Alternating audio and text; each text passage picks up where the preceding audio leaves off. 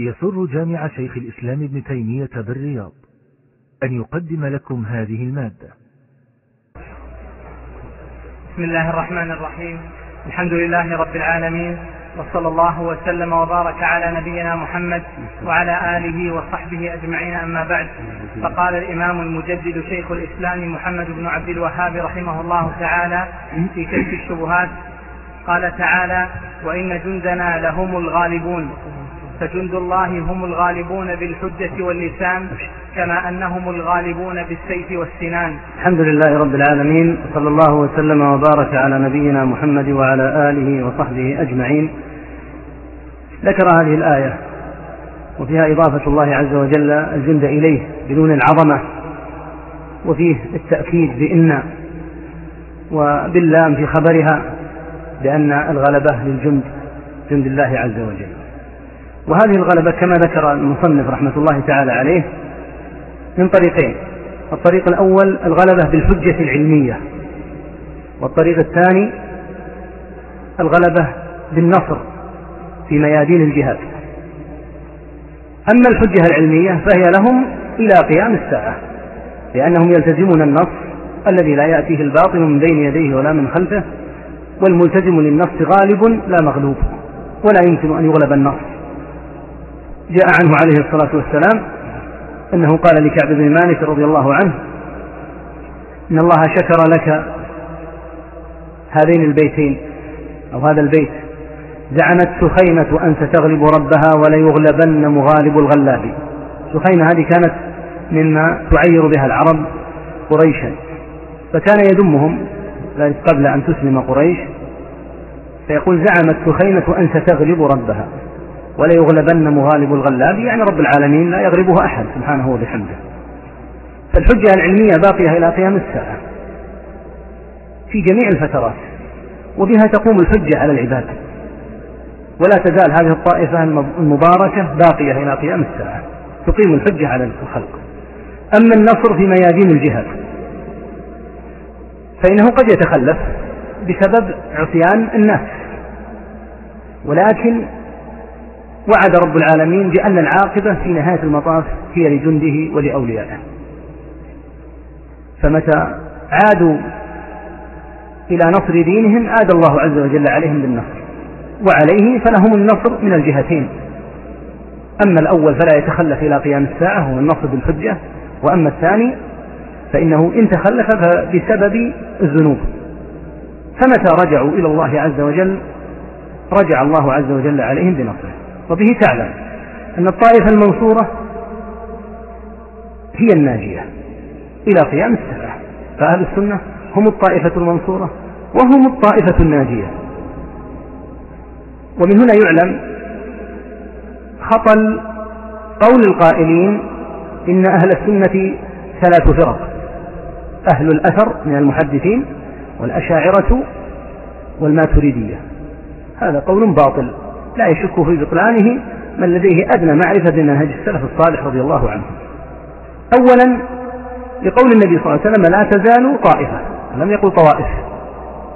ثانيا أن الطوائف التي يزعم أنها على الحق هذه ويراد إدخالها في الطائفة المحقة لها سلف هم الكلابية.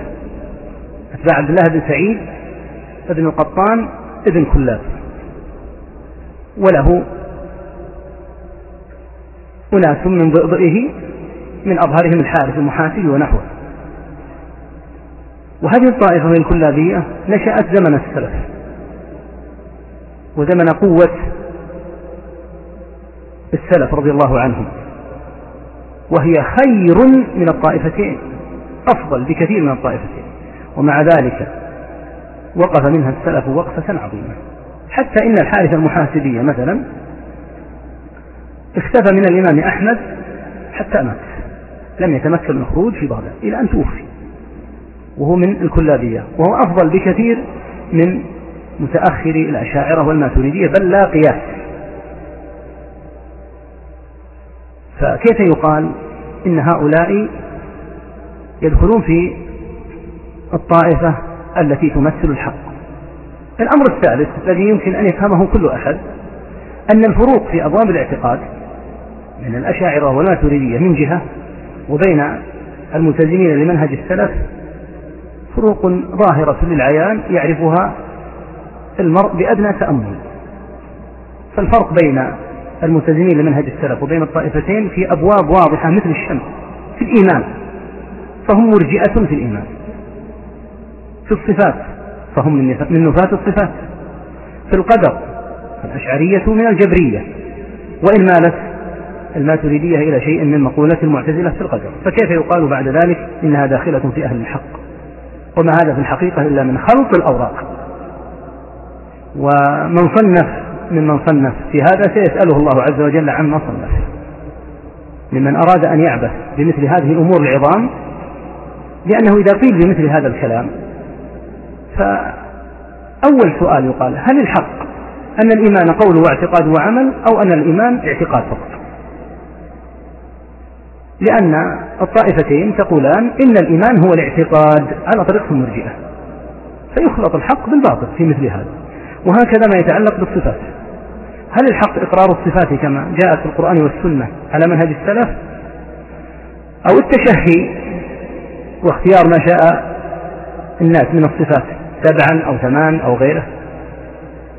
هؤلاء يتشهون يختارون من الصفات ما يريدون والملتزمون لمنهج السلف يقولون أي صفة تثبت في القرآن؟ أي صفة في القرآن أو تثبت في السنة؟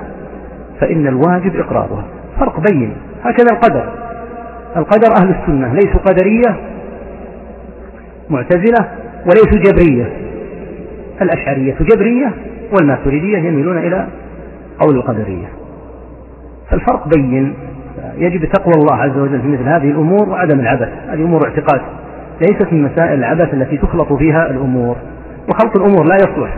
لا في أمور الاعتقاد ولا في غيره الواجب الوضوح والصراحة والبعد عن الغموض والعبث والمجاملة في دين الله. نعم.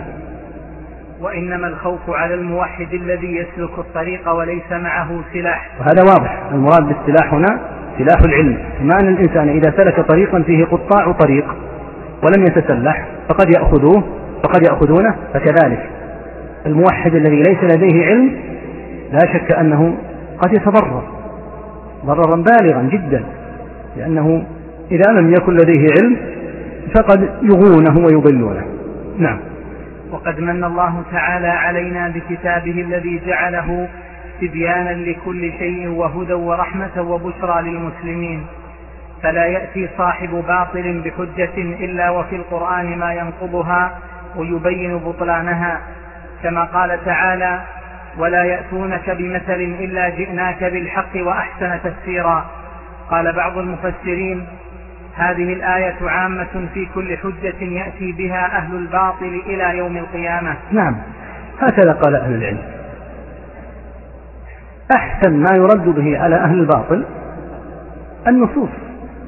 أكبر جرم وأعظم بدعة يمكن أن يدان بها أحد أن يقال خالفت قول الله خالفت ما ثبت في الصحيحين. ولهذا كان مثل مالك وأحمد يقول اقرأ عليهم النصوص اقرأ النصوص وكفى بها ردا. لأن الإنسان إذا خالف كلام الله فلا شك أنه مبطل. إذا خالف ما ثبت عن رسول الله صلى الله, عليه وسلم فلا شك أنه مبطل. ولهذا بين تبارك وتعالى أن هؤلاء لا يأتون بمثل يعني شبهة. المثل المراد في الآية هنا ولا يأتونك بمثل أي شبهة من الشبهة إلا جئناك بالحق. فهم يأتون بالشبهة والله يأتي بالحق. ولهذا قال الشعبي رحمه الله تعالى ما ابتدع في الإسلام بدعة إلا وفي ما ابتدع في ما ابتدع في الإسلام بدعة إلا بدعة إلا وفي كتاب الله ما يكذبها. يعني في القرآن نفسه الدليل ولكن قد تقصر الأفهام عن فهمها.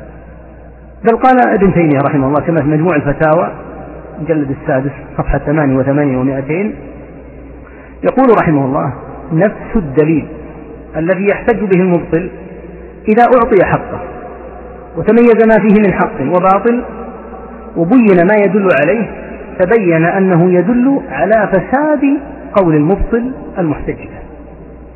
نفس الدليل يأتي به الشيعي فرحا مسرورا. ليضرب عثمان بن عفان رضي الله عنه كما فعل ابن عمر رضي الله عنهما. لما جاءه أحد الخوارج فقال أتشهد صحيحين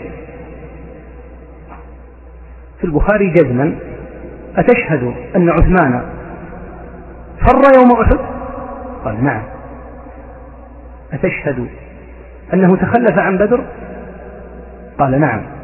أتشهد أنه تخلف عن البيعة بيعة رضوان؟ قال نعم. قال الخارجي الله أكبر. فرح. قال تعالى أبين لك. أما تخلفه يوم بدر فقد تخلف بأمر رسول الله صلى الله عليه وسلم يمرض زوجته بنت رسول الله صلى الله عليه وسلم.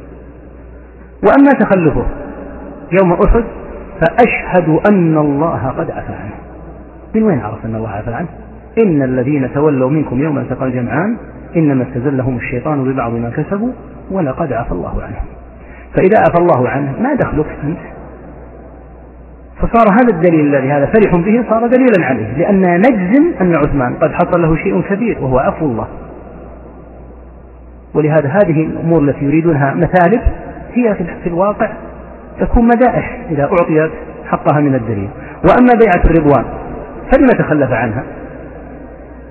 هذا من التعنت العجيب الغريب. بيعة الرضوان أصلا لم تكن إلا لأجل عثمان. لأن النبي صلى الله عليه وسلم بعث عثمان إلى مكة. فجاء خبر أن عثمان قد قتلته قريش. فأمر النبي صلى الله عليه وسلم بالبيعة بعد أن بلغه خبر مقتل عثمان. فكيف يبايع عثمان وهو في مكة؟ وما كانت البيعة إلا لأجله رضي الله تعالى عنه. وارضاه هذا نموذج. أن الدليل إذا دقق فيه وتؤمن صار حجة على المبطل ودليلا عليه لا دليلا له.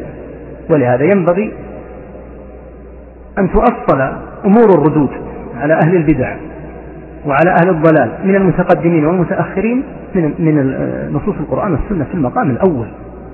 في المقام الأول أعظم ما يرد به عليهم النصوص من القرآن والسنة. نعم.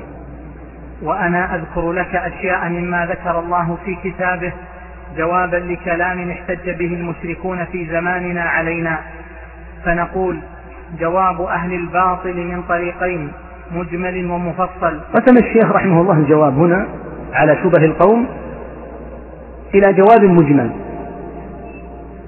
مزية الجواب المجمل هذا أنه يكفي برأسه في رد كل شبهة. يعني لو تلقنه العامي الذي لا يستطيع النقاش والحجاج يكفي هذا الجواب المجمل ليستمسك به ويرد كل شبهة كما سيأتي حتى لو لم يكن يعرف ما يقوله المبطل.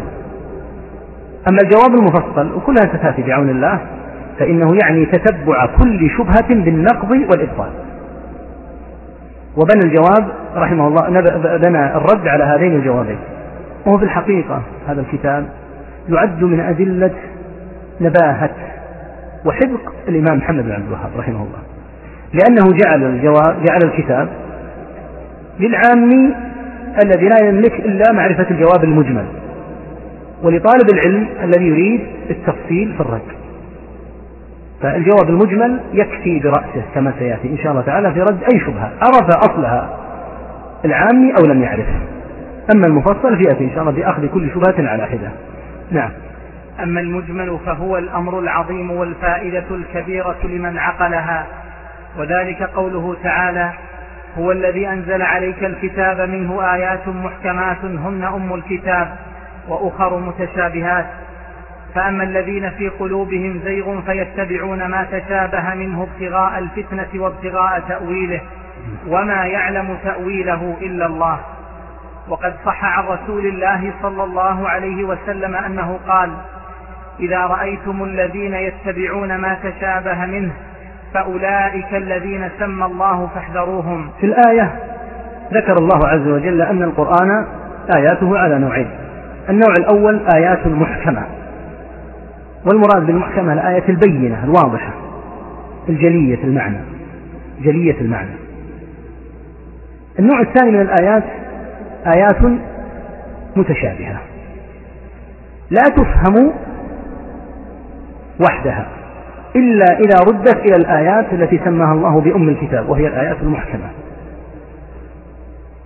جعل الله علامة من علامات أهل الزيغ أنهم يتركون الآيات المحكمة الجلية البينة وهكذا أيضا النصوص من السنة البينة الجلية ويذهبون لتتبع النصوص المتشابهة غير البينة. فهذه علامة. تعرف هذه العلامة فيهم إلى قيام الساعة. وقد ذكر ابن جرير في التفسير والشوكاني وابن كثير وابن سعدي ونقل ابن جرير رحمه الله تعالى هذا عن محمد بن إسحاق وعن غيره أن هذه العلامة. هذه العلامة مزيتها أنها في كل مبتدع إلى يوم القيامة. حتى قال ابن جرير رحمه الله قال حتى في اليهود في النصارى قال رحمه الله أيضا في السبائية في الخوارج في الجهمية في المعتزلة في الرافضة يقول تجد أنهم يبحثون ويركزون على النصوص المتشابهة غير البينة. التي لا تفهم إلا بردها إلى النصوص المحكمة. الصادق الذي يريد الحق يجعل النصوص التي سماها الله عز وجل أم الكتاب التي إليها المرد يجعلها في المقام الأول. والنصوص المتشابهة هذه يفهمها بردها إلى النصوص المحكمة لأنها كما سماها الله متشابهة. ثم إن أهل العلم قالوا إن هذا التشابه تارة يكون تشابها نسبيا. يعني هذه الآية متشابهة بالنسبة إلى من قل علمه لكنها بالنسبة إلى ذوي العلم والبصيرة غير متشابهة واضحة جلية المعنى. فالتشابه يكون يكون في بعض الأحيان نسبيا ولهذا قال بعض أهل العلم إنه إذا رد المتشابه إلى المحكم صار المتشابه بينا واضحا لأن هذا هو الأسلوب الصحيح في رد في فهم الآيات المتشابهة والنصوص المتشابهة. فمثلا قول الله تعالى وهو الله في السماوات وفي الأرض. إذا قال الجهمي إن هذه الآية دالة على أن الله في الأرض فقال ما صدقت ليس هذا بصحيح. والآية هنا في هذا الموضع لا تدل على أن الله في الأرض أصلا. قال بعض أهل العلم الآية تقرأ هكذا وهو الله في السماوات. وقفة هنا. وفي الأرض يعلم سركم وجهركم. هذا جواب. وقال آخرون هذه الآية تفهم بالآية التي قال الله وهو الذي في السماء إله وفي الأرض إله. معنى الإله المعبود. يعني وهو معبود أهل السماوات ومعبود أهل الأرض. ثم هذا النص إذا عرض على قوله تعالى أأمنتم من في السماء؟ وقوله يخافون ربهم من فوقهم. وقوله تعرج الملائكة والروح إليه. وقوله إليه يصعد الكلم الطيب. وما خطب النبي صلى الله عليه وسلم في مئة ألف من أصحابه. وقال إنكم مسؤولون عني فما أنتم قائلون فقالوا نشهد أنك قد بلغت وأديت ونصحت. فقال اللهم هكذا أمام مئة ألف فيهم الجاهل وفيهم حديث العهد وفيهم الأعرابي وفيهم العامي وفيهم الصحابي العالم الفقيه. قال اللهم بإصبع هكذا. اشهد على مئة ألف. يرفع أصبعه يشير إلى الله. ولما قال الجارية أين الله؟ قالت في السماء. قال من أنا؟ قالت رسول الله. قال أعتقها فإنها مؤمنة. كل هذه الآيات, الآيات والنصوص دالة بوضوح على أن الله تعالى في السماء. وهكذا آيات الاستواء على العرش كلها دالة على أن الله تعالى في السماء لأن العرش هو سقف المخلوقات أعلى المخلوقات. كما في الحديث إذا سألتم الله فسألوه الفردوس فإنه أعلى الجنة وأوسط الجنة ومنه تفجر أنهار الجنة وسقفه عرش الرحمن. يعني أن عرش الرحمن فوق الفردوس. والله مستو على العرش. كل هذا جلي واضح. على أن الله تعالى في العلو سبحانه وتعالى. فقوله وهو الله في السماوات وفي الأرض يعلم سركم وجهركم لا يعني أن الله في الأرض. هذا واضح. لكن يأتي ويستمسك مثل هذه الآية. يقول هذا يدل على أن الله في الأرض. يقول هذه الآية برأسها لا تدل على أن الله في الأرض. ومع ذلك لما استمسكت بها وقلت إنها تدل على أن الله في الأرض إذا رددتها إلى النصوص المحكمة وجدتها جلية. ولهذا تجد أن يستمسك بهذه النصوص ويترك تلك النصوص التي قال أهل العلم إنها تزيد على ألف نص. كلها دالة على أن الله تعالى في العلو. فهذه علامة. ولهذا قال الشيخ رحمه الله إن هذه العلامة يمكن أن يعطاها الشخص في الجواب المجمل. فيقال له قل له هذا المبطل إن الله تعالى أخبرنا أن هناك أناس يتبعون المتشابه ويتركون المحكم حذرنا منهم رسول الله صلى الله عليه وسلم بقوله فإذا رأيتم أولئك فأولئك الذين سمى الله فاحذروهم. أمر للأمة بأن يحذروا هؤلاء. فأنا أحذرك لأن ما تذكره لي يدل على أنك تتبع المتشابه وتترك المحكم. نعم. مثال ذلك إذا قال لك بعض المشركين ألا إن أولياء الله لا خوف عليهم ولا هم يحزنون. أو إن الشفاعة حق وأن الأنبياء لهم جاه عند الله أو ذكر كلاما للنبي صلى الله عليه وسلم يستدل به على شيء من باطله وأنت لا تفهم معنى الكلام الذي ذكره فجاوبه بقولك إن الله ذكر في كتابه أن الذين في قلوبهم زيغ يتركون المحكم ويتبعون المتشابه. وما ذكرته لك من أن الله تعالى ذكر أن المشركين يقرون بالربوبية وأن كفرهم بتعلقهم على الملائكة والأنبياء والأولياء مع قولهم هؤلاء شفعاؤنا عند الله. هذا أمر محكم بين. لا يقدر أحد أن يغير معناه. وما ذكرته لي أيها المشرك من القرآن أو كلام النبي صلى الله عليه وسلم لا أعرف معناه.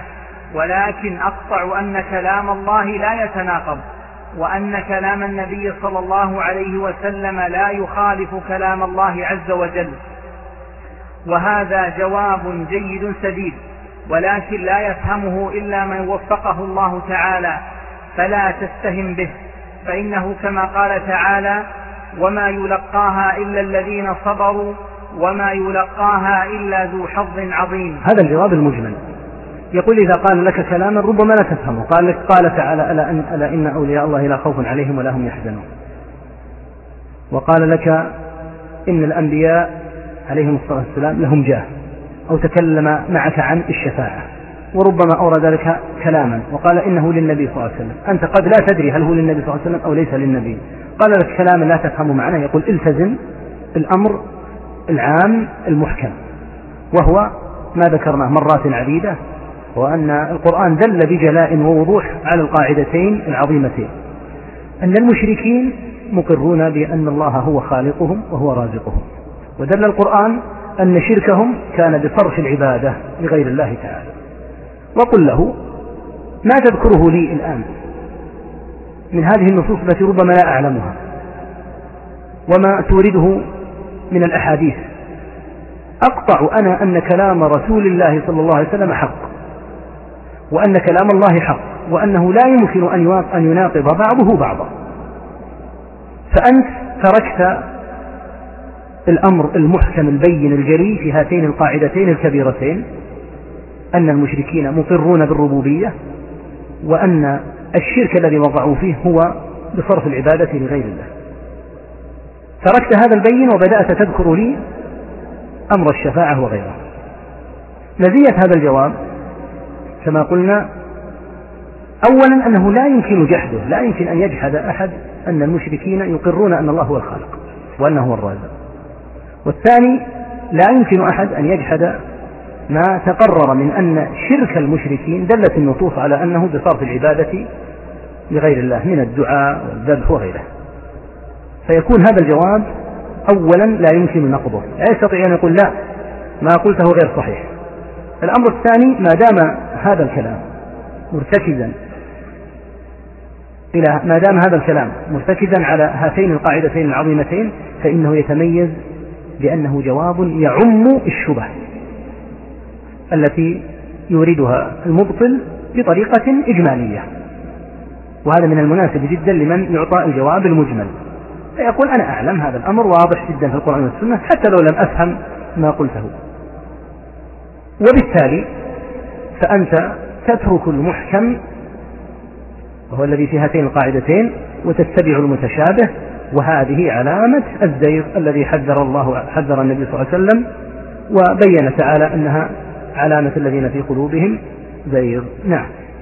وأما الجواب المفصل فإن أعداء الله لهم اعتراضات كثيرة على دين الرسل ويصدون بها الناس عنه. منها قولهم نحن لا نشرك بالله بل نشهد أنه لا يخلق ولا يرزق ولا ينفع ولا يضر إلا الله وحده لا شريك له وأن محمدا صلى الله عليه وسلم لا يملك لنفسه نفعا ولا ضرا فضلا عن عبد القادر أو غيره. ولكن أنا مذنب والصالحون لهم جاه عند الله وأطلب من الله بهم فجاوبه بما تقدم وهو أن الذين قاتلهم رسول الله صلى الله عليه وسلم مقرون بما ذكرت ومقرون بأن أوثانهم لا تدبر شيئا وإنما أرادوا الجاه والشفاعة واقرأ عليه ما ذكر الله في كتابه ووضحه. فإن نعم. الجواب المفصل يعني تتبع كل شبهة على حدة. والمصنف كما قلنا رحمة الله يعني ذكر بضع عشرة شبهة. بين أن أهم هذه الشبه الشبهة الثلاث الأولى. الشبه الثلاث الأولى هي أهم شبههم وسيجيب عليها. كثير من الكلام الحقيقة تقدم لأن الكلام على هذه الشبه تفريع على الكلام في السابق. فرأيت أن أضيف أمرا مهما جدا يحتاج إليه كثيرا في هذا الوقت. ذلك أن بعض الناس يقول قصارى ما عند ابن عبد الوهاب. قصارى ما عنده أن يكون قول أحمد. ونحن على قول الشافعي. فليترك كل منا الآخر في حاله. تكون المسألة مثل المسائل الفقهية الأخرى. هذه مقولة الشافعي وهذه مقولة أحمد. وليعذر كل الآخر. وهذا مما عرض على ابن تيمية رحمة الله تعالى عليه لما امتحن واجتمع عليه منكر الصفات فأراد الوالي أن يتوسط قال هذا القول الذي يقوله ابن تيمية هو قول أحمد. وإذا كان قول أحمد فأحمد إمام معتبر دعوه في حاله. يقول فقلت لا ليس هذا قول أحمد بل أقول هذا قول أحمد والشافعي ومالك وأبي حنيفة. ولا أقول إنه قول أحمد وأقول إن مذهب السلف كان قبل أن يخلق أحمد ومالك والشافعي وأبو حنيفة. هذا قبلهم وهم لم يكن لهم الإمامة في الدين إلا بحسب التزامهم بمنهج السلف الصالح. فأما أن يقال هذه مقولة أحمد فهذا من الفتنة العظيمة لأن يراد أن تكون المسألة فيها نوع من المزايدة. اتركونا في حالنا ونترككم في حالكم. اتركونا نعتقد. هذه الأمور الشركية وكونوا أنتم على ما ترون أنه من أمور التوحيد. ولأن في الحقيقة رأيت أن أضيف عبارات أنقلها عن عدد من المتقدمين منهم من هم من علماء السلف المتقدمين ومنهم من ليسوا أهم شيء ليسوا من الحنابلة. حتى لا يقال إن هذا قول أحمد. وهذا منهج سلكه ابن القيم رحمه الله تعالى في النونية. لما ذكر نقولات كثيرة في إثبات الصفات قال رحمه الله حتى لا يقول قائل هؤلاء من الحنابلة. قال ما في الذين نقلت عنهم آنفا من حنبلي واحد بضماني. أضمن لك ما فيه ولا حنبلي واحد. بل أنا أنقل هذا الكلام عن غير الحنابلة قصدا حتى يعلم أن هذا الاعتقاد ليس اعتقاد أحمد. ولهذا قال ابن تيمية كلمة جليلة. قال لم يأخذ أهل أهل السنة من أحمد حرفا واحدا في العقيدة. وش معنى الكلام هذا؟ يقول ما أسس أحمد لأهل السنة اعتقادا. فيقال وين الدليل؟ ما عندنا دليل لكن قاله أحمد. ما أسس لهم. لا هو ولا غيره. لأن الاعتقاد تلقاه أهل السنة من النصوص ومن السلف الصالح رضي الله عنهم فمن هنا كان من المفيد أن تنقل أقوال عن غير الحنابلة. حتى يعلم الذين يريدون أن يجعلوا المسألة نوعا من المزايدة وأن القضية قضية حنابلة يخالفهم غيرهم من الشافعية أو من المالكية أو الحنفية أن المسألة ليست هكذا وأن الأمر أمر توحيد وبدعة وشرك وسنة ليس الأمر بالأمر الهين. فلهذا سننقل إن شاء الله تعالى لأن الكلام الذي ذكره رحمه الله تعالى هنا في الجواب المفصل جزء منه قد مضى. لأن المصنف ماذا يريد أن يقول؟ يقول لهم في جوابه على هذه الشبهة حالكم مثل حال المتأخرين بالضبط. المتأخرون يقرون بالخلق والرزق والنفع والضر لله وهي شبه المتأخرين من المشركين. وكذلك المتقدمون كما دلت النصوص وكما ساقها رحمه الله. المتأخرون يطلبون ممن عظموهم الجاه والشفاعة وكذلك المتقدمون كما دلت النصوص أيضا. إذا ما الفرق؟ ما الفرق بين هؤلاء وهؤلاء؟ الفرق في التسميات. قد يسمونه توسلا قد يسمونه ما يسمونه. ولهذا سننقل إن شاء الله تعالى من أقوال أهل العلم ونحن نحرص على النقل عن أهل السنة في المقام الأول. ولكن نتعمد أن ننقل حتى عن الذين ليسوا على منهج السلف. حتى يعلم أيضا أن هذه المقولات الفظيعة في الشرك حتى بعض المتكلمين رغم ما عندهم من بدعة وضلال خالفوا فيها هؤلاء المشركين. فالمراد به مثل ما سلك ابن تيمية رحمه الله تعالى في الحموية. ابن تيمية رحمه الله في الحموية قسمها إلى قسمين مقدمة والقسم الثاني نقولات. نقل عن السلف عن الصحابة عن التابعين. بعد أن ذكر الآيات ذكر الأحاديث. ثم بدأ يذكر نقولات عن علماء السنة المعروفين. ثم أدخل نقولات حتى عن المتكلمين.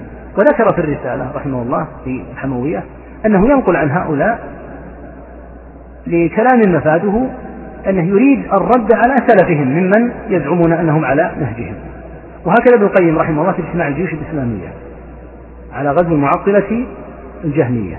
فإنه نقل نقولات كثيرة عن السلف عن الصحابة عن التابعين عن الشافعي عن الحنفية عن المالكية عن الشافعية ثم عن الحنابلة ثم نقل حتى عن المتكلمين لأنه أراد كما سماه أن يكون جيوشا يغزو بهم الجهمية. وهذا مسلك سلكه حتى الإمام محمد بن عبد الوهاب رحمه الله وعدد من أئمة الدعوة لأن المراد ليس تقرير العقيدة من كلام الناس ولكن المراد إزالة الوهم لأن هذه المقولة مقولة الحنابلة أو مقولة ابن تيمية أو مقولة أحمد أو مقولة ابن عبد الوهاب نفسه. وهكذا أئمة الدعوة الآخرين فتجدهم من بعده رحمه الله ينقلون كثيرا عن مثل هؤلاء ولهم في ذلك تقدمة بالشافعي رحمه الله. فالشافعي رحمه الله في الرسالة في الأم. لما ذكر بعض المسائل التي دل عليها دلت عليها النصوص. نقل نقولات عن السلف أقوالا فقهية ثم قال كلاما من أنفس الكلام. قال ونحن ننقل هذه الأقوال احتسابا للأجر لأن هؤلاء لا يقبلون إلا إذا نقل لهم عن الناس. قال رحمه الله ولو كانوا مثلنا. يعني في حسن المنهج.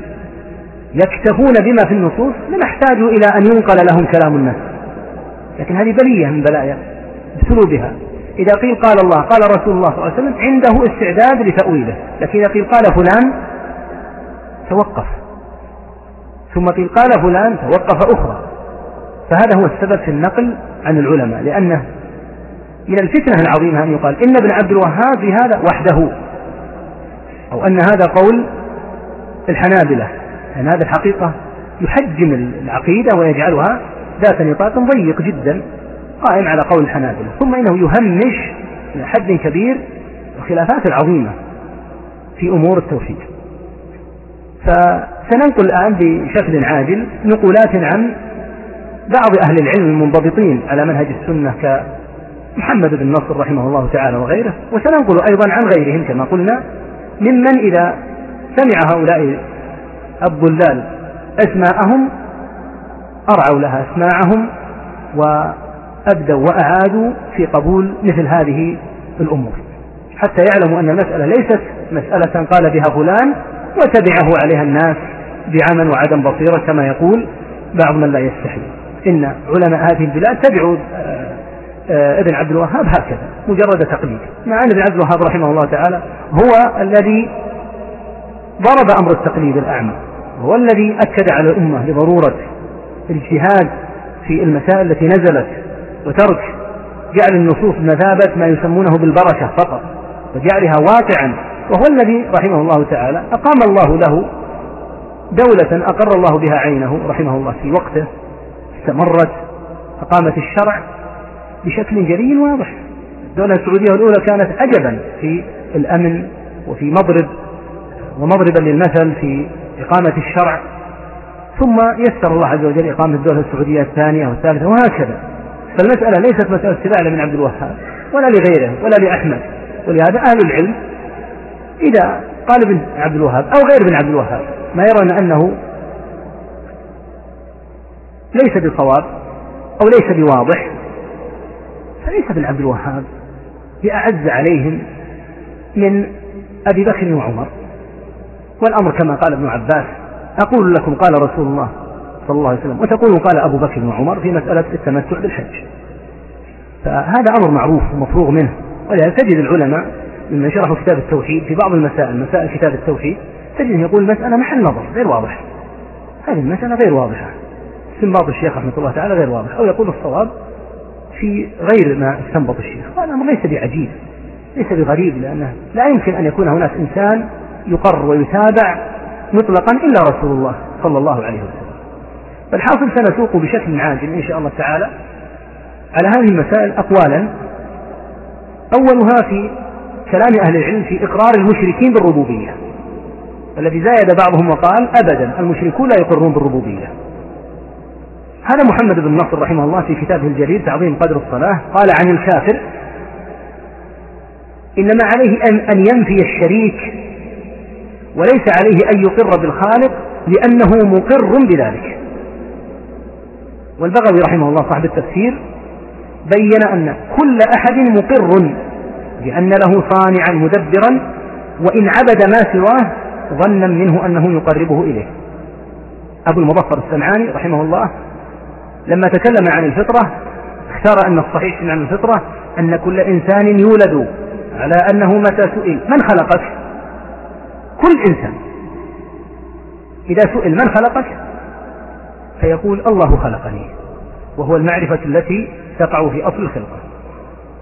بل حتى الرازي على ما لديه قلنا عدة مرات يعني من الخلل في الاعتقاد لما قسم المشركين عموم المشركين في الأرض قسمهم إلى أربعة أصناف. ثم قال فهؤلاء هم فرق المشركين وكلهم معترفون أن الله خالق الكل. إلى قوله فثبت بما ذكرنا أن طوائف المشركين أطبقوا واتفقوا على أن الله خالق هؤلاء الشركاء والأقوال كثيرة جدا في إثبات أن هؤلاء المشركين يقرون أن الله هو الخالق الرازق وهذه نماذج لها وإلا فالأقوال كثيرة عن الحنفية وعن المالكية وعن الشافعية وعن غيرها نعم. فإن قال إن هؤلاء الآيات نزلت في من يعبد الأصنام كيف تجعلون الصالحين مثل الأصنام؟ أم كيف تجعلون الأنبياء أصناما؟ فجاوبه بما تقدم. فإنه إذا أقر أن الكفار يشهدون بالربوبية كلها لله وأنهم ما أرادوا ممن قصدوا إلا الشفاعة ولكن أراد أن يفرق بين فعلهم وفعله بما ذكره فاذكر له أن الكفار منهم من يدعو الأصنام ومنهم من يدعو الأولياء الذين قال الله فيهم أولئك الذين يدعون يبتغون إلى ربهم الوسيلة أيهم أقرب؟ ويدعون عيسى ابن مريم وأمه وقد قال تعالى ما المسيح ابن مريم إلا رسول قد خلت من قبله الرسل وأمه صديقة كانا يأكلان الطعام. انظر كيف نبين لهم الآيات ثم انظر أنا يؤفكون. قل أتعبدون من دون الله ما لا يملك لكم ضرا ولا نفعا؟ والله هو السميع العليم. واذكر له قوله تعالى ويوم يحشرهم جميعا ثم يقول للملائكة أهؤلاء إياكم كانوا يعبدون؟ قالوا سبحانك أنت ولينا من دونهم بل كانوا يعبدون الجن أكثرهم بهم مؤمنون. وقال تعالى وإذ قال الله يا عيسى ابن مريم أأنت قلت للناس اتخذوني وأمي إلهين من دون الله؟ قال سبحانك ما يكون لي أن أقول ما ليس لي بحق. إن كنت قلته فقد علمته. تعلم ما في نفسي ولا أعلم ما في نفسك. إنك أنت علام الغيوب. فقل له أعرفت أن الله كفر من قصد الأصنام وكفر من قصد الصالحين وقاتلهم رسول الله صلى الله عليه وسلم. فإن قال الكفار يريدون منهم. نعم. المراد هنا دحض شبهة من زعم أن هناك فرقا بين عبادة الأصنام وعبادة الصالحين. يعني يريد أن يقول الآيات التي نزلت في القرآن تذم المشركين تذمهم لأنهم عبدوا الأصنام. هكذا. وكأنه يقول وفي فرق بين المشركين بين الذين يعبدون الأصنام وبين الذين يعبدون الصالحين. أولئك يعبدون أحجارا لا خير فيها وهؤلاء يعبدون الصالحين زهاد أولياء لله صوام قوام مطيعون لله مجاهدون في سبيله. كيف تجعل عبادة الصالحين؟ مثل عبادة الأصنام. فأراد هنا دحض قوله بأن هناك فرقا بين عبادة الأصنام وعبادة الصالحين. يقول ابن القيم رحمه الله عن رب العالمين بل كل معبود سواه فباطل من عرشه حتى الحضيض الدامي. العرش على المخلوقات فمن عبد الكواكب أو الملائكة في الآية أو الأشجار أو الأحجار أو الصالحين أو الأنبياء أو الجن حتى الحضيض الداني فهذا المعبود عبادته بالباطل بلا شك. وتقدمت الآيات وذكرناها. لهذا نحاول الموضع الذي قيل أن لا يعاد مرة أخرى الآيات الدالة على أن هناك من يعبد الملائكة وأن هناك من يعبد الصالحين وأن هناك من يعبد الأنبياء. المهم في الموضوع أن النبي صلى الله عليه وسلم لم يفرق في سيرته وقاتلهم جميعا. قاتل صلى الله عليه وسلم جميع الذين يعبدون غير الله ولم يقل والله عباد الصالحين أو عباد الأنبياء وضعهم آخر. هذا تعامله صلى الله عليه وسلم مع اليهود كيف فعل بهم؟ أجلاهم وقتل بني قريظة. سبعمائة إنسان في يوم واحد. صلوات الله وسلامه عليه. مع أن بني قريظة ما كانوا يعبدون الأصنام قطعا. شركهم وكفرهم أتاهم من جهة عقيدتهم اليهودية. وهكذا من يعبدون اللات مثلا من مشركي العرب. وهكذا من يعبدون الجن الذين أسلموا. وهكذا من يعبدون مريم وهي ليست نبية بل من الصالحين. وهكذا من يعبدون الأنبياء. ألم يقاتل النبي صلى الله عليه وسلم الروم ويرسل إليهم صلى الله عليه وسلم من قاتلهم ثم استمر المسلمون يقاتلونهم إلى أن أجلوهم من مصر والشام وغيرها وهم نصارى. عباد للمسيح فالزعم بأن هناك فرقا بين من يعبد الأصنام ومن يعبد الصالحين أو الأنبياء أو الملائكة زعم باطل وهذا تقدم تقريره في النصوص. مراده رحمه الله يقول ما الفرق إذا كانت عبادة غير الله باطلة فما الفرق بين من عبد الصنم أو من عبد النبي أو الملك؟ هنا نضيف أقوالا مرة أخرى مثل ما عرفنا قبل قليل في سبب وقوع الشرك بما يتبين به قلب المسألة على القول وأن عبادة الأصنام في واقع الأمر لم تنشأ إلا بسبب عبادة الصالحين. فقولهم عبادة الصالحين غير عبادة الأصنام كلام فارغ لأن الأصنام أصلا إنما نصبت على صور الصالحين في المقام الأول. ثم قال بعضهم إن, إن منها ما نصب على صور الملائكة في زعمهم وعلى صور الأنبياء عليهم الصلاة والسلام ونذكر بعض النقول في هذا. لما ذكر البغوي رحمه الله في سورة نوح قول الله عز وجل وقالوا لا تذرن آلهتكم ولا تذرن ودا ولا سواعا ولا يغوث ويعوق ونسرا أورد الآثار الواردة عن السلف في فعل قوم نوح ثم قال فابتداء عبادة الأوثان كان من ذلك يعني كان بسبب عبادة الصالحين. لاحظ أن عبادة الأوثان هي الفرع لأنها تفرعت على عبادة الصالحين. فابتداء عبادة الأوثان كيف كان؟ كان من ذلك يعني كان بسبب عبادة الصالحين. وهكذا البيضاوي على ما عنده كما قلنا من المسلك المنحرف في الاعتقاد أقر أن عبادة الصالحين هي سبب الشرك. عبادة الصالحين هي السبب في الشرك. حافظ بن حجر في فتح الباري ذكر أن الغلو في تعظيم قبور الأنبياء هو السبب في عبادتهم وذكر السيوطي في كتاب له قيم يدعى الأمر بالاتباع والنهي عن الابتداع ذكر أن سبب عبادة اللات هو تعظيم قبره. وبين أن هذه العلة لاحظ أوقعت كثيرا من الأمم في الشرك. المسألة مسألة تعظيم للأنبياء أو للصالحين. أبو شامة الدمشقي ونقل عنه بعض أئمة الدعوة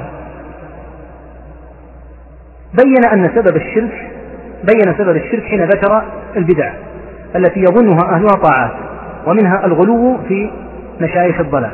وقال بالحرف وبهذه الطرق وأمثالها كان مبادئ ظهور الكفر من عبادة الأصنام وغيرها. بهذه الطرق يعني بالغلو في الصالحين نشأت عبادة الأصنام. النووي رحمه الله في شرحه على صحيح مسلم قال وكثيرا ما يرد هذه العبارة النووي. قال العلماء مقرا لها قابلا لها لأنه يتكلم وينقل عن العلماء. قال العلماء إنما نهى صلى الله عليه وسلم عن اتخاذ قبره وقبر غيره مسجدا خوفا من المبالغة في تعظيمه والافتتان به فربما أدى ذلك إلى الكفر كما جرى لكثير من الأمم الخالية. أن الغلو في القبور هو الذي سبب للأمم الخالية والسابقة الكفر. سويدي عالم العراق رحمه الله في القرن الثاني عشر من خيار علماء ذلك القرن رحمه الله ذكر أنه لما كان منشأ عبادة الأصنام من جهة القبور نهى صلى الله عليه وسلم في أول الإسلام عن زيارتها سدا لذريعة الشرك يقول لماذا نهى النبي صلى الله عليه وسلم عن زيارة القبور في أول الأمر؟ يقول سدا لذريعة الشرك. ما السبب؟ لأن عبادة الأصنام إنما نشأت من جهة القبور. وبه تعرف بطلان قولهم إن عبادة وبه تعرف أن عبادة الأصنام في الواقع لم تنشأ إلا بسبب الغلو في الأنبياء والصالحين. فهي الفرع. يعني عبادة الأصنام هي الفرع على الأصل الأول وهو الغلو في الصالحين. وبذلك تسقط هذه الشبهة في قولهم إن عبادة الصالحين غير عبادة الأصنام. وإن الذي يعبد الصالحين ليس مثل الذي يعبد الأصنام. يقال لم يعبدوا الأصنام ولم يقيموها إلا بعد أن غلوا في الصالحين. فما الفرق إذا فلعله بمثل هذا إذا يعني سمع بعض الناس مثل هذه الأسماء ويعني معنا أيضا بعض من يكون خارج المملكة ممن يعني لا يقنعه أن يقال قال أحمد أو قال ابن تيمية يعني على الإنترنت وغيره في من يتابع. وإذا سمع مثل هذا الكلام علم أن هذا الرجل محمد بن عبد الوهاب رحمه الله لم يكن يقول هذا الكلام هكذا خرصا من تلقاء نفسه بل قال هذا رحمه الله وقال هذا قبله أهل العلم سواء من شراح الحديث أو من علماء السلف أو غيرهم. نعم. فإن قال الكفار يريدون منهم وأنا أشهد أن الله هو النافع الضار المدبر لا أريد إلا منه. والصالحون ليس لهم من الأمر شيء ولكن أقصدهم أرجو من الله شفاعتهم. فالجواب أن هذا قول الكفار سواء بسواء واقرأ عليه قوله تعالى والذين اتخذوا من دونه أولياء ما نعبدهم إلا ليقربونا إلى الله زلفى وقوله وقوله تعالى ويقولون هؤلاء شفعاؤنا عند الله واعلم نعم. أن هذا نعم. ذكر رحمه الله تعالى الشبهة الثالثة هذه. يقول قد يقول الكفار يريدون منهم مباشرة. وأنا غير الكفار أنا أشهد أن الذي ينفع ويضر هو الله عز وجل. ولكن أنا أرجو بذبحي للصالحين ودعائي لهم وطوافي بقبورهم وأنواع الدعاء التي أفعلها عند قبورهم. أنا أرجو شفاعتهم. فأنا أختلف عن الكفار لأن الكفار في زعمه يقولون ها يقول هؤلاء هم الذين ينفعون ويضرون استقلالا. وهذا كلام باطل بلا شك. مر عدة مرات أن الكفار يعتقدون أن الله يملك يملك حتى المعبودات. في قولهم لبيك لا شريك لك إلا شريكا هو لك تملكه وما ملك. فيرون أن المعبودات كاللات والعزى مملوكة لله عز وجل. الله هو الذي يملكها. فهذه مسألة معروفة. وحتى ما قد يوجد عندهم من بعض مثل ما قلنا بعض المسائل في ظنهم أن النجوم لها تأثير في الأمطار وأنها قد تستقل. هو وفق القاعدة هذه القرآنية. حتى لو ظنوا أن النجوم هي التي يعني تؤثر فورا في الأمطار. نقول هذا لا يخرج عن الإطار العام وهو أنهم يعتقدون أن الله عز وجل هو الخالق الرازق. ولو لم تأتي إلا هذه الآية العظيمة التي يكفي منها قوله تعالى ومن يدبر الأمر فسيقولون الله. تدبير الأمر يعتقدون أنه عند الله عز وجل بلا شك. تدبير الأمر عموم فيه عموم تدبير الأمر. عندك الله الخلق والرزق والملك وإخراج الحي من الميت قال ومن يدبر الأمر فسيقولون الله. فهم يعتقدون أن تدبير الأمر عند الله بلا شك. فهذا الجواب الحقيقة أن تقدم أن الكفار يطلبون الشفاعة ودللنا عليه بآية سورة يونس وهكذا يطلبون القرب آه، القرب والشف هؤلاء لديهم منزلة عند الله عز وجل ولهم لهم جاه فنريدهم أن يقربونا. هذا كثير تقدم في كلامنا لكن ننقل الآن أيضا إن شاء الله تعالى بعض كلام المتق... آه، أهل العلم سواء من يعني المفسرين أو من غيرهم وحتى بعض مثل ما قلنا بعض المتكلمين ونحوهم ممن يقال ممن يعظمهم أولئك القوم ويرون أنهم هم الذين يصدر عن كلامهم. قال ابن كثير رحمه الله وتأمل دقته في العبارة في قوله تعالى والذين اتخذوا من دونه أولياء ما نعبدهم إلا ليقربونا إلى الله زلفى. يقول رحمه الله هذه الشبهة هي التي اعتمدها المشركون في قديم الدهر وحديثه. يعني هذه الشبهة طلب القربى موجودة عند المتقدمين من المشركين ويشير رحمه الله تعالى إلى المتأخرين. يقول في قديم الدهر وفي حديثها أيضا من المشركين حتى لو كانوا يزعمون الانتماء إلى الإسلام. وجعل المقريزي وهو من الشافعية أيضا رحمه الله جعل هذه الشبهة شبهة كل مشرك. فقال رحمه الله في موضوع التقرب هذا والتقرب إلى الصالحين يقول هو شرك عباد الأصنام وعباد الملائكة وعباد الجن وعباد المشايخ والصالحين الأحياء والأموات الذين قالوا ما نعبدهم إلا ليقربونا إلى الله زلفى ويشفعوا لنا. عنده. فذكر رحمه الله تعالى أن هذه موجودة حتى عند عباد المشايخ يعني من المخرفين ممن يعبدون الزهاد والصالحين. ننقل أيضا عن الرازي ممن لأجل من يعظمه أثناء كلامه على مقاصد المشركين. تكلم عن مقاصد المشركين من معبوداتهم. المشركون يقول لهم مقاصد من معبوداتهم. فذكر أنهم وضعوا هذه الأصنام والأوثان على صور أنبيائهم وأكابرهم. وزعموا أنهم متى اشتغلوا بعبادة هذه التماثيل فإن أولئك الأكابر يشفعون لهم عند الله. ثم قال وتأمل ما قال. هذا كلام الرازي مو بكلام ابن عبد الوهاب من يقول ابن عبد الوهاب شد على المسلمين. ابن عبد الوهاب أسرف في الكلام على أهل القبور. يقول الرازي لما ذكر أن المشركين يشتغلون بعبادة التماثيل لأجل أن يشفع الأكابر قال بالحرف الواحد. ونظيره في هذا الزمان.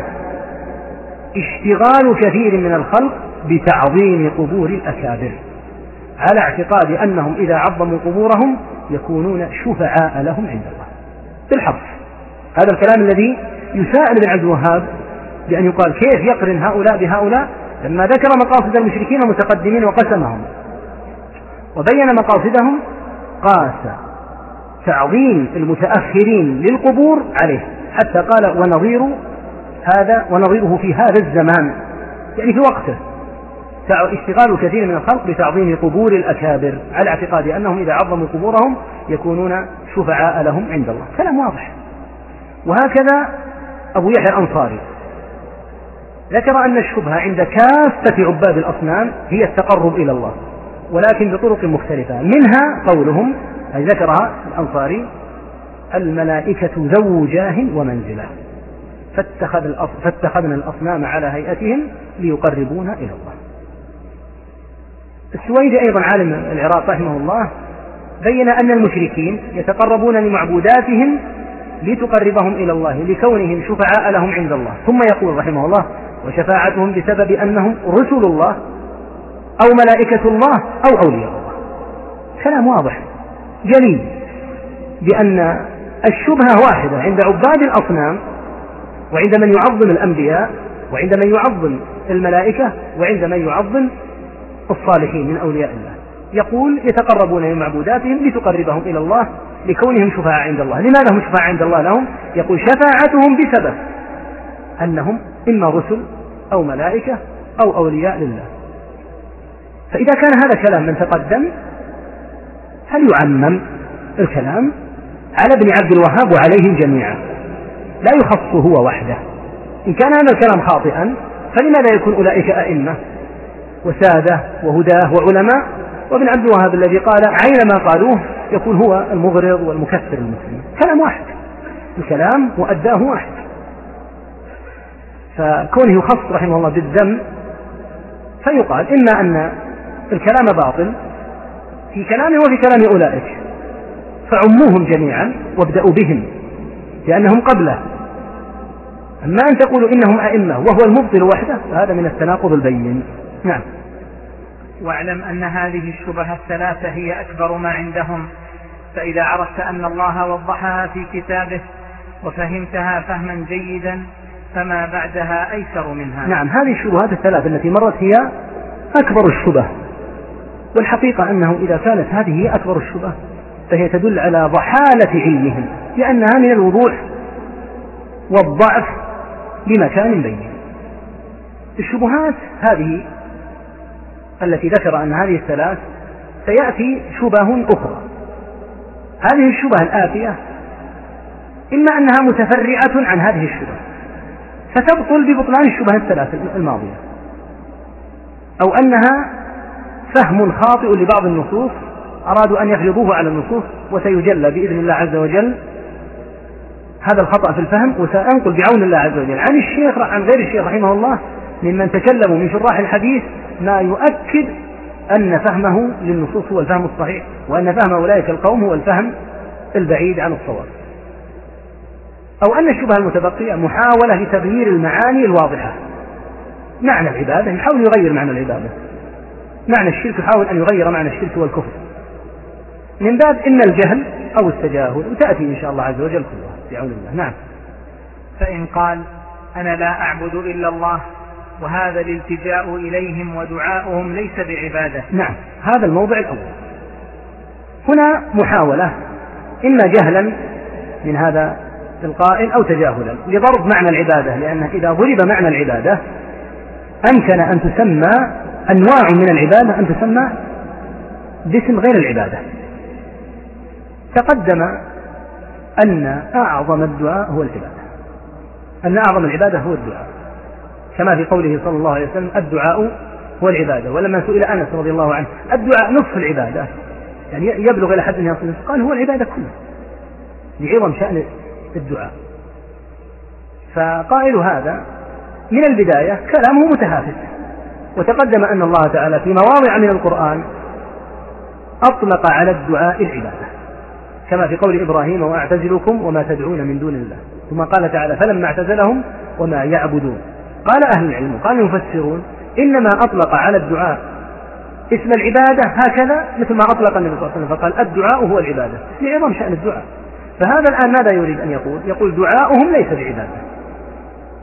فهذا واضح البطلان واضح البطلان لجلاء من خلال النص النبوي الذي ذكره من خلال النصوص القرآنية التي أطلقت على الدعاء اسم العبادة. نعم. فإن قال أنا لا أعبد إلا الله وهذا الالتجاء إليهم ودعاؤهم ليس بعبادة فقل له أنت تقر أن الله افترض عليك إخلاص العبادة لله وهو حقه عليك؟ فإذا قال نعم فقل له تبين لي هذا الذي فرض عليك وهو إخلاص العبادة لله وحده وهو حقه عليك؟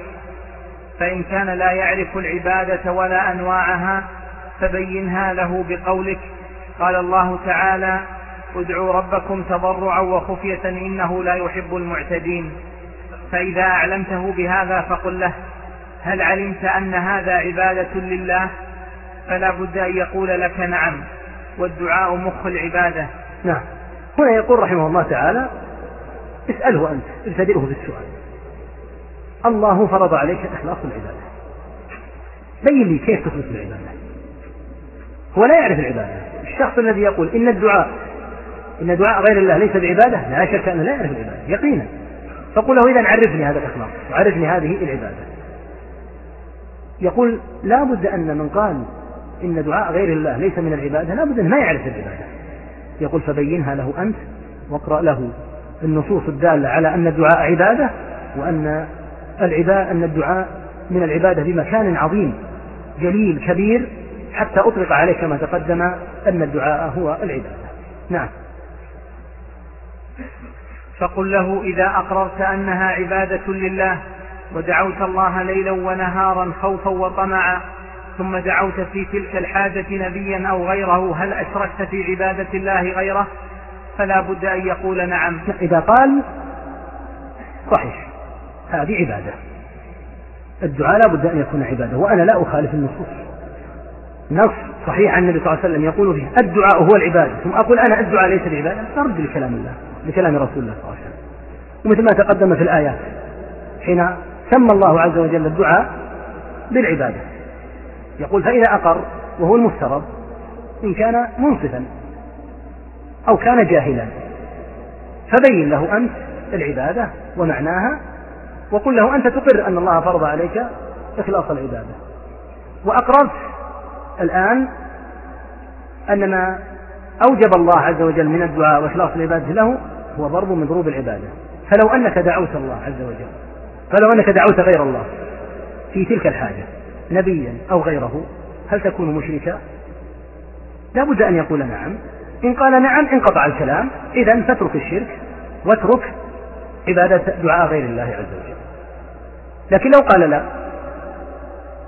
عنه جوابان الجواب الأول كيف يكون هذا؟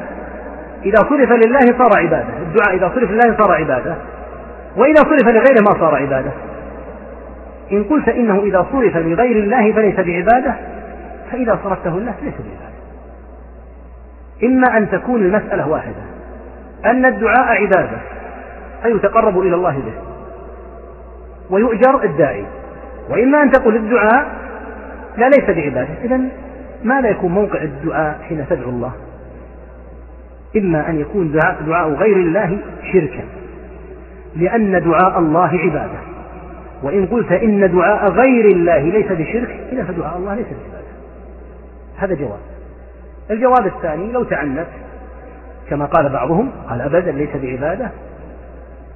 فمثل ما ذكرنا من مسلك الشافعي وغيره رحمه الله يساق له كلام لأهل العلم ولغيرهم مما يبين أن الدعاء عبادة. مع أن هذه المسألة من الجلاء بوضوح لكن نذكرها مرة أخرى ليتبين من لا يقر في عينه في أذنه إلا أن يسمع كلام الناس حتى يسمع.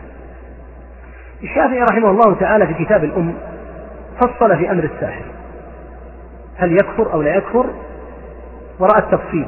واختار الجمهور أن الساحر يكفر مطلقا. الشافعي رحمه الله رأى التفصيل وقال هناك صور يكفر بها. وهناك صور لا يكفر بها. يهمنا كلامه عن الصورة التي يكفر بها الساحر. لما تكلم واختار التفصيل قال إن وصف يعني الساحر. ما يوجب الكفر؟ الآن هذا كفر واضح. ثم ذكر المثال عليه بدعاء غير الله. فقال مثل ما اعتقد أهل بابل من التقرب إلى الكواكب وأنها تفعل ما يلتمس منها. فهو كافر. تفعل ما يلتمس منها يعني إذا دعيت. والشافعي رحمه الله لا لا يكفر من يدعو الكواكب لأنه دعا الكواكب فقط بل لأنه دعا غير الله. فكلامه هذا بمثابة القاعدة في من دعا غير الله من الملائكة من الجن من الإنس ممن التمس منه ما لا يلتمس إلا من الله. وإلا فلا يعني هذا الإمام الجهبذ رحمه الله. أن الإنسان يكفر إذا دعا الكواكب وإذا دعا غير الكواكب ما كفر. وإنما ذكر هذا مثالا لأن السحرة يتقربون إلى الكواكب فذكره في هذا السياق. وكلامه قال إذا اعتقد أنها تفعل ما يلتمس منها فهو كافر. يلتمس منها يعني لأن السحرة يتقربون يلبسون ملابس معينة يوم السبت يتقربون لذلك الكوكب ويدعونه. يتقربون يوم الأحد ويلبسون ملابس معينة ولهم شعارات معينة يلبسونها يوم الأحد لكوكب آخر وهكذا. يقول هذه عبادات. الدعاء إذا صرف للكواكب فإن صاحبه كافر. قال ابن خزيمة وهذا الموضع اللي سبق ذكرناه لما ذكر مسألة تعوذ النبي صلى الله عليه وسلم بكلمات الله. قال إن تعوذ النبي صلى الله عليه وسلم بكلمات الله دال على أن كلام الله غير مخلوق. لأنه لو قيل إن كلام الله مخلوق لكان معنى ذلك أن النبي صلى الله عليه وسلم تعوذ بمخلوق والتعوذ من مخلوق شرك. ثم قال أفليس العلم محيطا يا ذوي الحجاب؟ أنه غير جائز أن يأمر النبي صلى الله عليه وسلم بالتعوذ بخلق الله من شر خلقه؟ هل سمعتم عالما يقول أعوذ بالكعبة؟ من شر ما خلق الله. أو يجيز أن يقول أعوذ بالصفا والمروة؟ ثم قال وتأمل ما قال هذا لا يجيز القول به مسلم. يعرف دين الله. محال أن يستعيد مسلم بخلق الله. من شر خلقه. يستعيذ بخلق الله. خلق الله شاملة. الله خلق كما قال تعالى الله خالق كل شيء. خلق الملائكة والأنبياء والشجر والحجر. محال أن يستعيذ مسلم بخلق الله من شر خلقه. الإمام الجليل عثمان بن سعيد الدارمي أيضا قال لا يجوز أن يستعاذ بشيء لوجه شيء غير وجه الله وبكلماته ولا يستعاذ بوجه مخلوق. والأنبياء والصالحون والملائكة مخلوقون. وقال الخطابي رحمه الله تعالى الاستعاذة بالمخلوق شرك مناف لتوحيد الخالق مو مناف لكماله مناف للتوحيد يعني من أصله.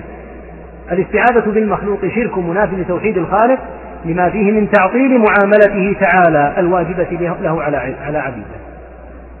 قال السويدي رحمه الله من استعاذ بغير الله على وجه التخلص من الشرور التي لا يدفعها إلا علام الغيوب. يعني نقول الاستعاذة متى تكون شركا؟ إذا كانت بغير الله فيما لا يقدر عليه إلا الله. من استعاذ بغير الله على وجه التخلص من الشرور التي لا يدفعها إلا علام الغيوب فهو بمن استعاذ به مشرك.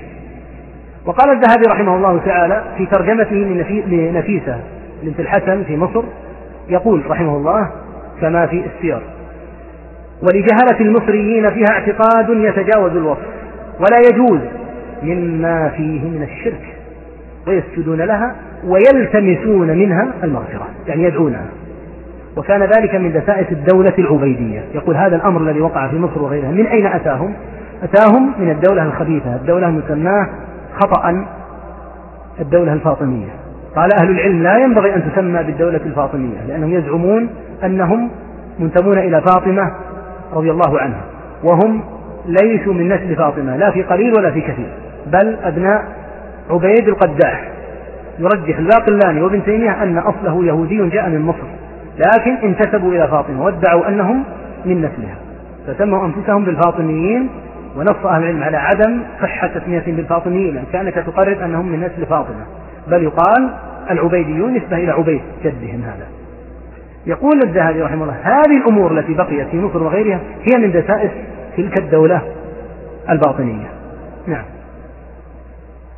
فقل له فإذا عملت بقول الله تعالى فصل لربك وانحر وأطعت الله ونحرت له هل هذا عبادة؟ فلا بد أن يقول نعم. نعم إذا قال إن النحر لله عبادة وإن التقرب إلى الله عز وجل بالذبح عبادة قل له إذا التقرب لغير الله بالذبح ماذا يكون؟ صرف عبادة لغير الله. كما أنك تتقرب إلى الله بالأضاحي وبالهدايا في الحج وفي غيرها عبادة لله عز وجل. فإذا كان هذا عبادة لله وصرف لغير الله فلا يحتاج الإنسان يعني يكون فاهما ونبيها حتى يعلم أنه شرك. يعني إذا كان عبادة تصرف لله ثم صرفت لغير الله فهذا شرك بلا شك. نعم.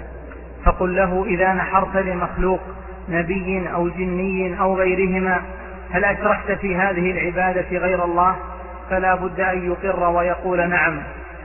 وقل له أيضا المشركون الذين نزل فيهم القرآن هل كانوا يعبدون الملائكة والصالحين واللات وغير ذلك؟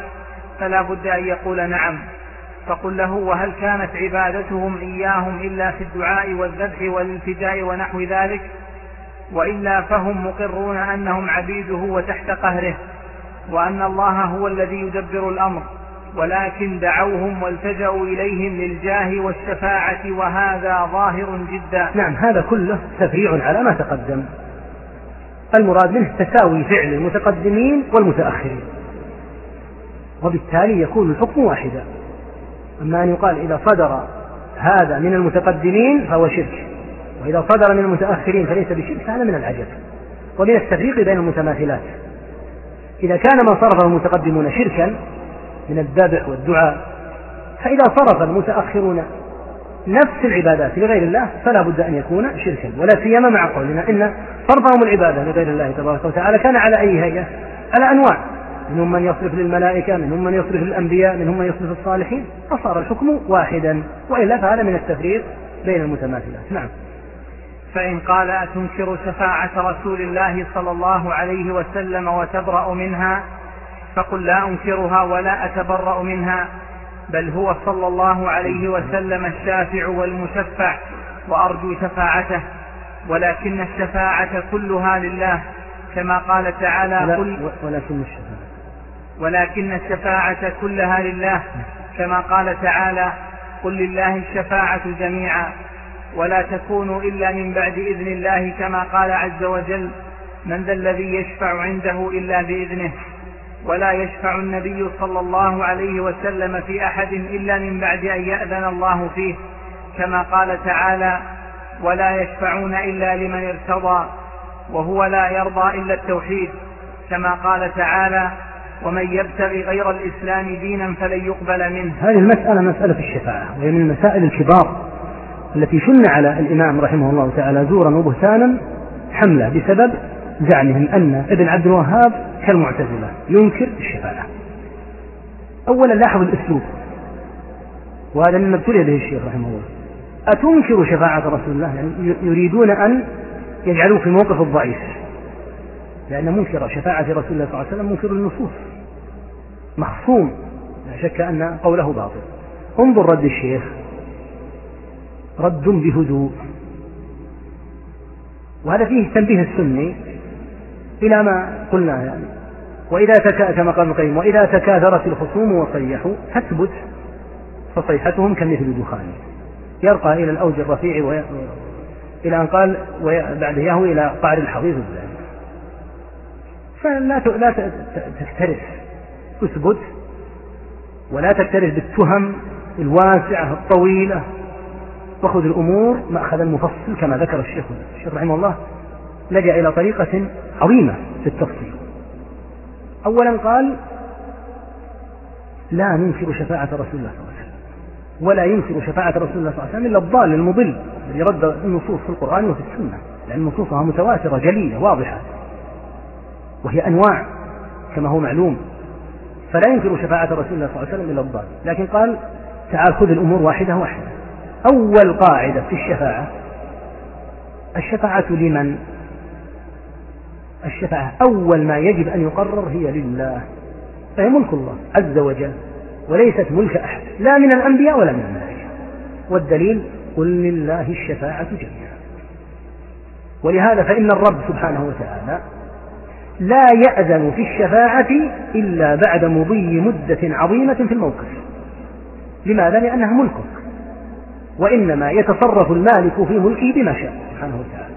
حتى يأتي الناس آدم فيقول أنت أبو البشر ألا ترى إلى ما بنا إلى آخره فلأنها ملك الله عز وجل فإنها لا تكون إلا إذا شاء. فيعظم الموقف ويطول بالناس حتى اشتد الكرب عليهم. والله لم يأذن بالشفاعة لأنها ملكه وإنما يأذن إذا شاء الأمر الثاني ذكر له شرطي الشفاعة. شرط الشفاعة أن يأذن الله. وهذا النصوص فيه جلية واضحة. قال تعالى من ذا الذي يشفع عنده إلا بإذنه.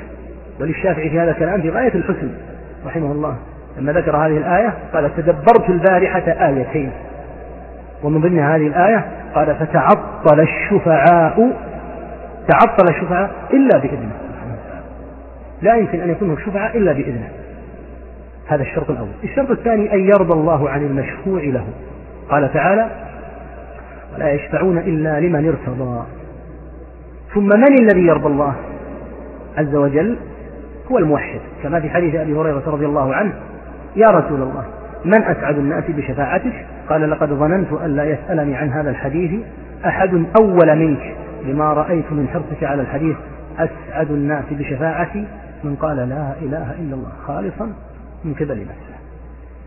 عاد الموضوع من جديد إلى التوحيد. فالشفاعة للموحد ولا تقبل الشفاعة المشرك ولهذا ثبت في البخاري أن إبراهيم عليه الصلاة والسلام يلقى أباه. فإذا لقي أباه أبوه في ذلك الموقف مات كما هو معلوم على الكفر. فيأتي إلى أبيه إلى ابنه إبراهيم عليه السلام ليطلب منه أن يخلصه مما هو فيه بالشفاعة لله. فيقول إبراهيم الحديث الصحيح يا رب ألم, تعد ألم تعدني ألا تخزيني يوم يبعثون؟ وأي خزي أخزى من أبي الأبعد؟ فيخبر أن الشفاعة لا تكون للمشركين. ثم يقال يا إبراهيم انظر. فينظر إلى أبيه وإلى أبيه والعياذ بالله.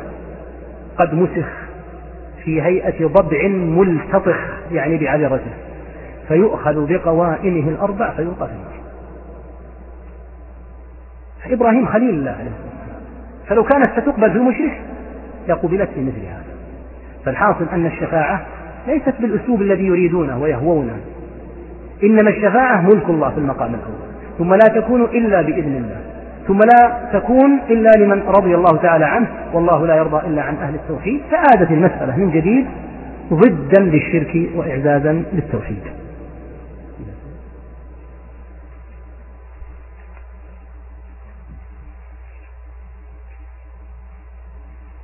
يقول بسم الله هل يوجد فرق بين الكفر والشرك في الشرع؟ يعني من الجهة الاصطلاحية. يعني إذا قيل هذا الشخص وقع في الشرك الأكبر فقد كفر. هذا معروف. وهل الكافر مشرك؟ يقول أهل العلم نعم مشرك من جهة أنه قد عطل حق الله سبحانه وتعالى وهو العبادة وأطاع الشيطان. لكن يقول أهل العلم الشرك صار عند من حيث الاصطلاح صار يطلق على عبادة غير الله تبارك وتعالى. لكن لو جحد نبوة محمد صلى الله عليه وسلم لقيل إنه كافر. وصح أيضا أن يقال إنه مشرك. يسأل عن ما يتعلق بالله عز وجل من جهة السمع. يقال يثبت له ما أثبت لنفسه سبحانه من صفة السمع ويوقف عند هذا إلا أن يأتي نص يدل عليه. يقول نسمع من بعض العوام قولهم إن الأمطار التي كانت في يوم كذا وكذا كانت بسبب استمطارها من قبل البشر. ما حكم هذا القول والقطع به؟ هذا أسلوب وطريقة قد تنفع وقد لا تنفع ينبغي أن يعرف هذا. والله عز وجل هو الذي يسوق السحب فقد يراد أن تمطر على هذا الموضع. فيسوقها الله عز وجل رغما عن البشر فتمطر على موضع آخر. ولهذا بعض الدول التي طبقت فيها انساقت السحب إلى مواضع أخرى لا يراد أن تمطر فيها فأمطرت على أناس وأضرت بهم بإذن الله. فهو أسلوب قد يجدي وقد لا يجدي. إن الذي يأمرها بالمطر هو الله عز وجل. ثم إنه يراد أن تمطر على موضع في دولة. فقد يسوقها الله. خارج حدود الدولة وتمطر على دولة أخرى. هو الذي يسوق الريح التي تسوقها. والله تعالى أعلم. وصلى الله وسلم على نبينا